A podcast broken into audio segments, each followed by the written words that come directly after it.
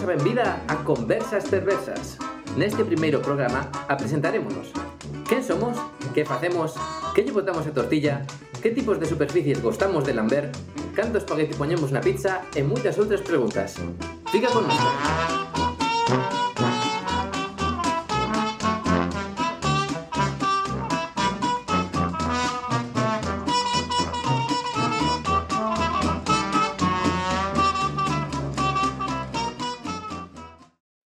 Ao final deste programa, Manu vai ter que responder unha pergunta para gañar o direito á escolla de tema do seguinte episodio. Así que, se vos parece un pouco para comezar, Manu, podes nos contar un pouco de que vai todo isto, da dereita á escolla, da pergunta e todo isto? Sí, hemos decidido unha mecánica un pouco graciosa para para elixir o tema de que vai cada programa, porque así de primeiras non, non temos un eh, fío temático, cada programa falaremos do que nos apeteza, non? Pero claro, para se queres propoñer un tema de programa, tes que gañalo. Tes que poñer da tua parte. E isto, pois, decidese na pregunta final. Claro, porque isto non vai ser algo xusto, algo que sexa aquí equitativo de un programa propón un tema a mano, un, pro, un programa propoño eu un tema, non. Aquí temos que gañalo, temos que luitar que viva a meritocracia. sí, sobre todo meritocracia, porque a pregunta al final eh, está pensada para que non teña ningún tipo de mérito, decir, non é como en que ano eh, chegou Colombo a América, non, isto é unha pregunta totalmente aleatoria que ningún tipo de coñecemento xeral te vai axudar para nada. O punto disto é que vaya saltando dun a outro dereito a, a escolla de tema. Pero tampouco que, te, que o teñas asegurado, que, que sufres un pouco, ese é o punto. Claro, porque nós aquí o que vimos é un pouco a falar de todo, sen ter nin idea do que imos falar, ou se cadra sí que temos idea en algún momento, mas podemos falar de temas históricos, de temas sobre se lle botamos espaguete a pizza, de sí. temas sobre empanadas, sobre calquera cousa. Temas persoais tamén caerá algún. Sí, plan... aquí o principal é vir a falar eh, que vos tamén despois poderedes falar connosco por algún medio, mas estou a adiantarme un pouco. Non, non, non, non, no. Xa que estamos, contanos como poden os ouvintes contactar connosco, como poden interaccionar. Pois por agora, os ouvintes poden falar connosco a través do Twitter, que nos poden seguir en arroba c barra baixa perversas, de conversas perversas, que é o noso nome, mas tamén non descartamos abrir algún outro tipo de redes sociais se non lo piden, claro. Por agora estamos en Twitter, así que podedes comezar seguíndonos aí en a plataforma en que esteades a escoitar o podcast tamén, que sempre axuda. Por suposto. E bueno, este a temática deste primeiro programa que será un pouco máis curto que, que formato habitual. Pois nos no, presentarnos claro, un pouco. presentarnos un pouco para que nos coñezades e para que non se vos faga tan raro vernos, bueno, vernos non, que é un, é un podcast, escoitarnos falar de cousas aleatorias. Entón, como non queremos ser nos aquí un pouco a soltar os rollos en máis, vamos presentarnos e presentarnos tamén dicindo tres datos. Tres datos que un deles vai ser incorrecto. Probablemente xa te tedes xogado a isto, que pensando eh, dúas verdades e unha mentira ou un xogo deste, deste mm, unha variante deste xogo. Seguro que xogaches algunha vez. Eh, ven sendo pois eu conto tres cousas sobre min, pero unha delas non vai ser. Eh, logo, bueno, eh, se, se credes que sabedes cal é a mentira, podedes dicirnos monora polo Twitter. Claro, porque isto tamén é interesante, imos deixarvos no aire, no ar, eh, para que poidades interagir connosco por Twitter, dicirnos cal pensades que é a mentira e tamén para que así teñades algún argumento para ver o seguinte episodio, escuitar neste caso. E se, se que alguén acerta, mencionaremoslo polo, polo podcast seguinte. Ou bueno, seguinte probablemente non, porque para cando isto saia, igual xa temos grabado algún. Pero en algún momento, probablemente, nomearémolo, ou nomearémole. Veña, se queres podes empezar ti contando as túas tres voute facer unha contraproposta. Empeza ti porque eu non pensei nas miñas. Eu tamén teño un pouco difícil o da mentira, estou agora a recapacitar sobre que pois contar. Pues facemos unha pausiña e volvemos con elas, parécete? Vale. Pois eu vou empezar contando os meus tres datos, que van ser un pouco de tres facetas como moi diferentes, mas non vades saber cal é a mentira ata o seguinte episodio, como xa dixemos. Entón, van ser tres pequenas historias que xa vos digo, son de tres ámbitos moi diferentes. A primeira das historias, que non vou dicir se é verdade ou é mentira, é que xa que acabamos de estar relativamente hai pouco coas Olimpíadas, aínda que non sei cando sairá este programa, vamos a estar repetindo isto cada vez que falemos de algo temporal. Eh, estivemos nas Olimpiadas, pois a miña primeira anécdota é que a min ensinoume salto de longitude e eh, de certo modo, entrenoume en salto de longitude un entrenador olímpico. É dicir, un entrenador dunha persoa que foi ás Olimpiadas a competir precisamente por iso, por salto de longitude. E dunha persoa, ademais, que xa gañara campeonatos a, niveis interna a nivel internacional. A, segundo, a segunda das historias, o segundo dos datos, é un dato sobre unha nova que se fixo viral. Hai uns anos, penso que foi en 2018, fíxose viral unha nova sobre un campamento en que unha persoa trans quixera bañarse nunha piscina, nunha piscina aberta, nunha piscina pública, entón intentara bañarse con camisola. e que a persoa que estaba ali controlando a piscina non lle deixara, entón como estaba nun campamento, todo o monitorado e toda a xente do propio campamento acabou tirándose en camiseta á piscina a xeito de solidariedade, fíxose moi viral, saiu en Telecinco, saiu en moitos lugares, Que ten isto que ver comigo? Pois o segundo dos datos ten que ver comigo porque esa persoa era eu. Despois, o terceiro dos datos, e xa para non liarme moito, é que coñezades tamén un pouco a mano, é sobre os libros, porque algunha xente xa me coñece e sabe que eu fago normalmente conteúdo sobre literatura, e falo moito de libros, mas non dixen cal é o meu libro favorito nunca, en ningún vídeo, nin por Instagram, nin en ningún lugar. A cousa é que non o digo porque o meu libro favorito é un libro moi odiado por moita xente, que é O Principiño. E, de feito, é este libro que moita xente emprega para creerse intelectualmente superior. E, gusta, gosto tanto deste libro que eu teño unha colección de principiños en moitos idiomas. Ti sabes cal é a mentira? Tes algunha idea? Eu pode que o saiba porque pode, hai certa probabilidade de que xa me contaras cale. pero hai que deixar a intriga para que non segue. Xa, pero que máis intriga é saber que eu o sei, ti o sabes, pero ninguén máis o sabe.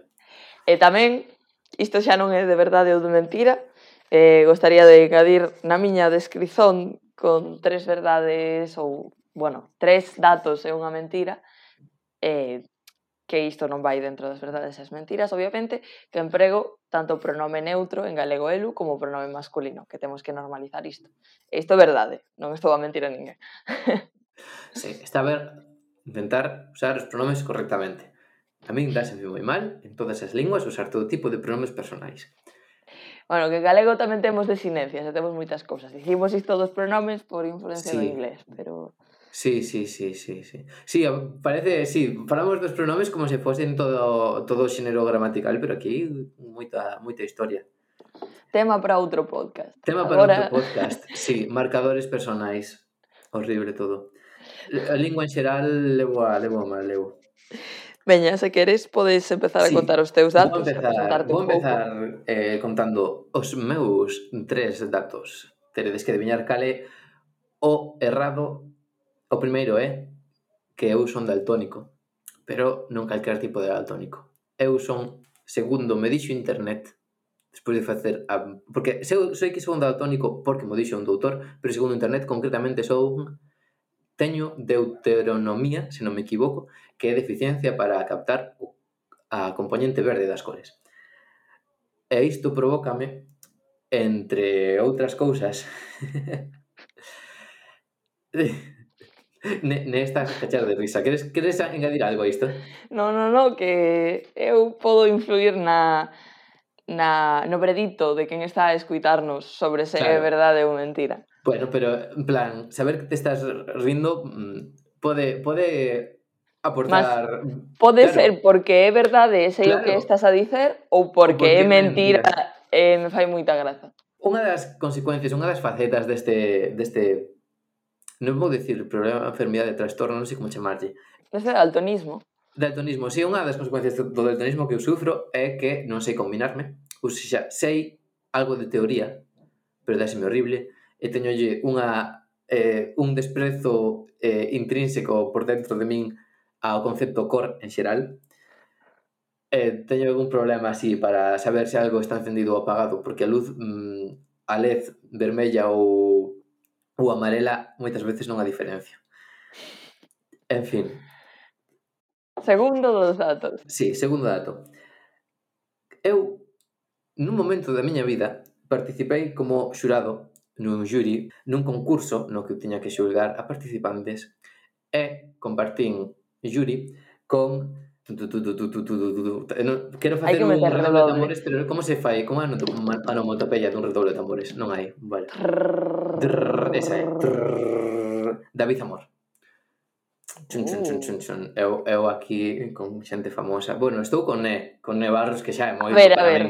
Eu este programa veño a falar de cousas aleatorias sen ter nin idea.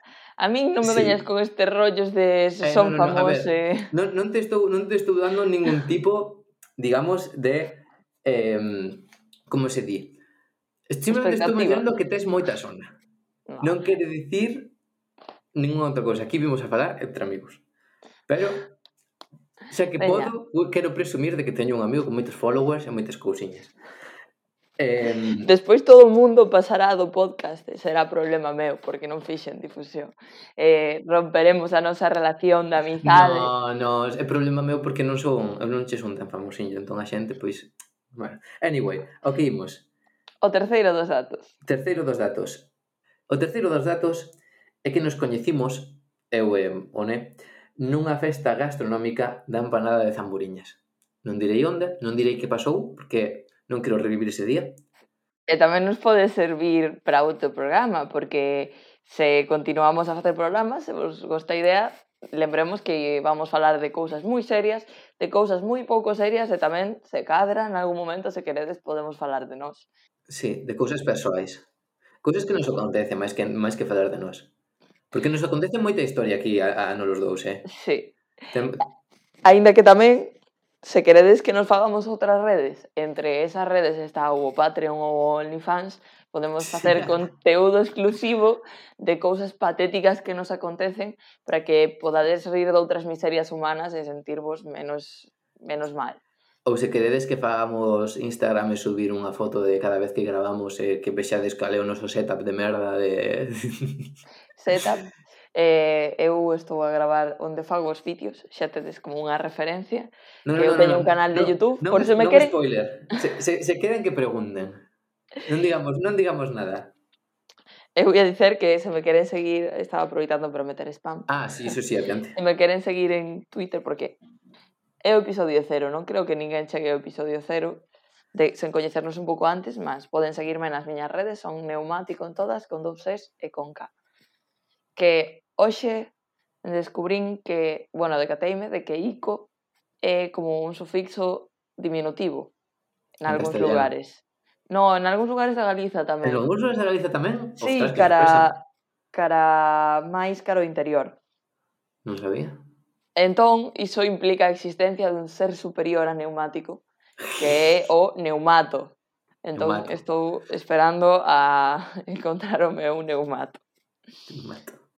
Entón, iso, vos podedes propoñervos cousas polas redes, propoñernos tamén abrir outras redes, falar connosco, xa vos dicimos, este programa é un pouco máis distendido, sen un tema, sen moito fío argumental, mas para iso están os programas cero, non? Para facelo sí. todo moi mal e despois ir mellorando. A ah, esencia, estamos, estamos creando un programa cero de libro. Non estamos falando de nada. Estamos falando de nós, que é o importante. De nós, de promocionándonos un pouco. Bueno, tamén queremos ouvir vos, mm, de, de vos. Que, que queredes que, que contemos polo, polo podcast? Que queredes que falemos? Porque, sí, vamos a ter unha dinámica de escolla de temática, pero podemos tamén aceptar suxerencias. Suxestións. Suxestións. En galego. Perdón, teño que aprender a falar galego, porque non, non, non vos sei, que queredes que vos diga? Levo, non. levo mal. A ver, iso é o primeiro programa, mas tamén se vos eh, implicades moito a dicernos temas, tamén podemos crear unha nova dinámica que sexa cada X episodios coller algún dos vosos temas. Non digas sí. X, di X. X. quero, bueno, quero... Sí. Se, se queres podemos ir facendo un pouco a pregunta final. De... Podemos ir facendo a pregunta final, pero quero recordar que, claro, falamos de nós, pero non estamos dicindo cousas importantes. Eu estou a estudar enxeñería matemática. Ah, sí. Iso entón, xa é entón- un dato que é verdade, non estamos... Este é un dato que é 100% verídico. Estou, a, bueno, non é 100% verídico. Estou a cursar enxeñería matemática. Vale? Eso sí que é 100% verídico. Estudar xa é outro tema. Agora, quería falar, xa que estamos do, dos nomes das letras. X e Y pareceme unha combinación moi boa para para termos eh, de, dos dous eixos. Pero en castelán, en castellano, non me gusta X e Y, porque Aquí y... non vimos a falar do castellano, aquí no, vimos a falar quero, en galego do galego. No, pero quero, quero dicilo porque eu estudo en Madrid, entón isto é algo que afecta o meu día a día. Bueno, tamén é algo que podemos falar noutro programa, sobre sí. nomes das sí, letras. Sí, no, pero quero, quero deixalo um, eh, como apuntamento. Quero, sí, como apuntamento rápido. En castelán, o nome preferido para o Y é Y. Que? Sí, verdade? Eu tamén me quedei así. Segundo a RAE, eh. eh, o nome preferido para o, para o Y é Y. E usade Y, porque a xente cando di X e Y, di I e che queda aí, en plan, non dice grego ou... Non faledes eh, castellano, non falade en galego. Pero se tedes que facelo, como eu, que terei que defender o meu TPG se o fago en algún momento eh, en castellano, usadelle, que queda moi guai. É eh, un préstamo que tomamos dos eh, da comunidade latina e eh, eles saben facer as cousas. Usadelle. Vale, e tamén este, este pequeno apuntamento rápido tamén nos serve para dicer que aquí neste podcast non temos nin idea de nada, mas tamén é certo que Manu aporta un pouco máis a visión científica e un pouco máis a visión de artes ou humanidades, aínda sí. que a Manu tamén lle gustan moito as artes, eu tamén gosto da ciencia. Sí. Sí, temos aportamos cada un un chisquiño de do que do que imos sabendo máis ou menos. Entón, se queres, podemos pasar un pouco a dinámica final por non facer sí. isto... Ao momento da pergunta. Temos que poñerlle un nome a esta, a esta sección. Máis suxestións un... por Twitter. Nos vimos sí. aquí a buscar interaccións en Twitter que a xente nos conte a súa vida e faga un fío. De momento, o...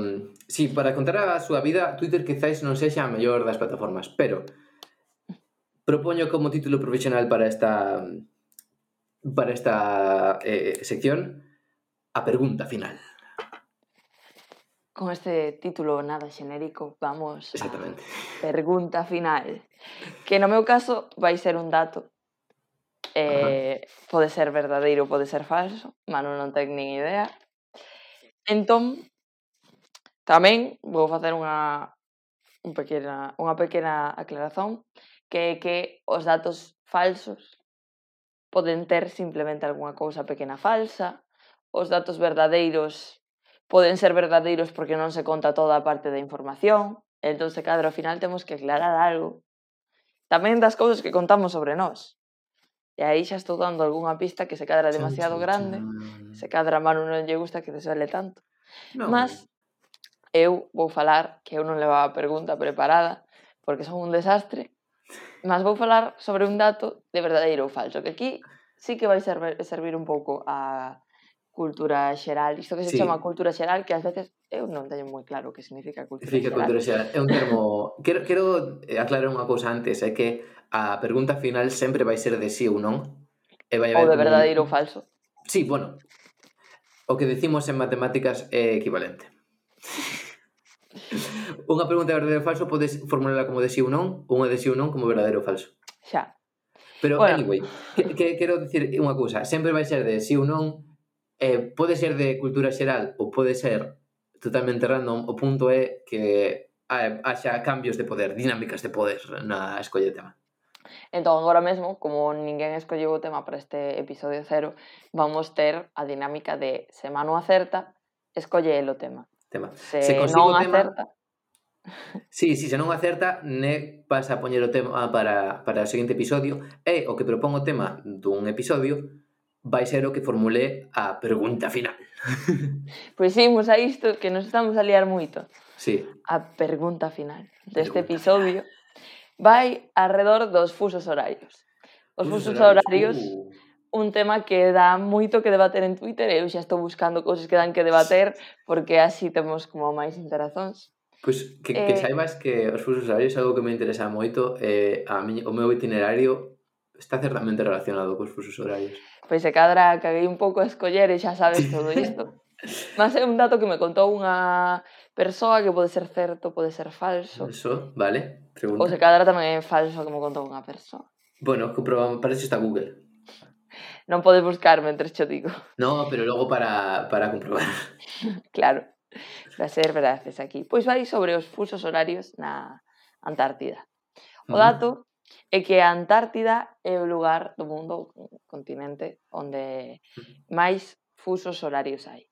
Mas non porque estexan os 24 fusos horarios que podemos pensar que están aí porque pola súa localización, senón porque a Antártida é un lugar que está dividido en moitas partes, que cada parte a controla un país, entón cada país escolle da súa parte eh, eh, onde está a súa base a hora que máis lle convén para poder comunicarse co, uh -huh. co lugar de onde son.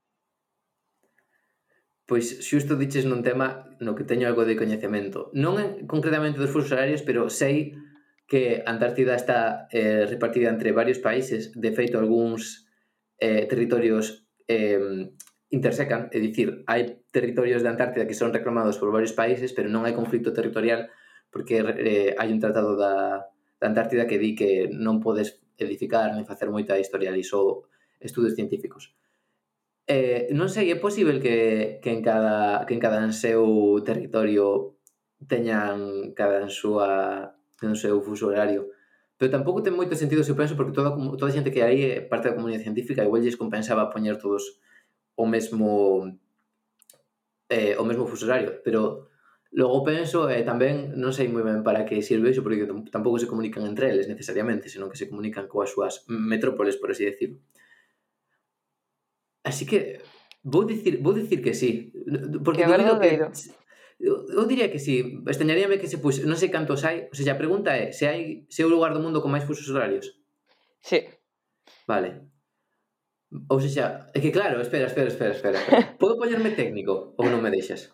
Se cadra ta- Plantexei mal, dixen mal a pregunta. O lugar do mundo con máis fusos horarios é o planeta Terra. Xa, é que se pensas lugar como iso, realmente eh, con máis concentración de fusos horarios, poderíamos dicir. Pois eu penso que ben, ben podería ser o punto do mundo, porque claro, é un punto realmente. Se te pos, en plan, podes sacar unha superficie de, de calquera eh, de calquera área arbitraria, en plan, podes facer un cadradiño de mm, 10 por 10 centímetros e aí tes unha chea de fusos horarios. Eu vou dicir que si, sí, veña. Que verdadeiro. Verdadeiro. Escollín mal o tema porque non sabía que Manu sabía tanto disto. Mas é verdadeiro, é verdadeiro. Mas puxeno porque había como moitos pontos onde podía fallar a teoría, podía sí, ser que sí. non fose o lugar, podía ser que fose por outro motivo, podía ser moitas cousas, pero tamén, xa que lle roubei este dado a unha persoa, eh, falar de que este dado de humo eh, Javier Balea que se non o coñecedes ten un canal de Twitch moi interesante que se chama Balea Vermella coa Raíña Vermella que falan sobre ciencia, falan sobre cousas como esta eh, eh, e, e outras diferentes moi interesantes con convidades xeniais. Entón, xa aproveitamos no primeiro programa sí. para facer spam de outra xente. Sí. Isto vai ser así sempre. Recomendámoslos eh, totalmente, son, son moi guais. E, eh, e teño, teño que dicir tamén, volvendo a temática da Antártida, que mm, ter un fuso horario na, na Antártida non ten moito sentido porque ali os, hai, hai días que duran seis meses ou tres meses, duran varios meses, depende do punto no que esteas, non? Co cal non tería moito sentido que tivesen un común máis si con si co continente. Pois agora xa gañache o direito a escolla, non sei se Xu! queres dicer agora mesmo de que queres falar, se queres esperar un vou, pouco. Vou esperarme. Teño algún temiña na cabeza, pero quero buscar un así que xa divertido. Podemos anuncialo por Twitter e así a xente ten máis motivos para ir a Twitter. Pois sí, anunciaremos sí, sí. por Twitter e se queres vámonos despedindo porque xa fixemos un programa xa, sí. bastante long. Porque nós gostamos de falar, de feito agora cortámonos bastante de falar para que teñades esa expectativa de que... Sí. E mesmo ser... cortándonos, aínda aínda lle demos a Leria, eh? sí, en postproduzón xa cortaremos sí, máis tamén. Sí, cortar moito. entón, iso, ata o próximo episodio e un placer estas conversas perversas. Un placer. Deca! Hasta logo!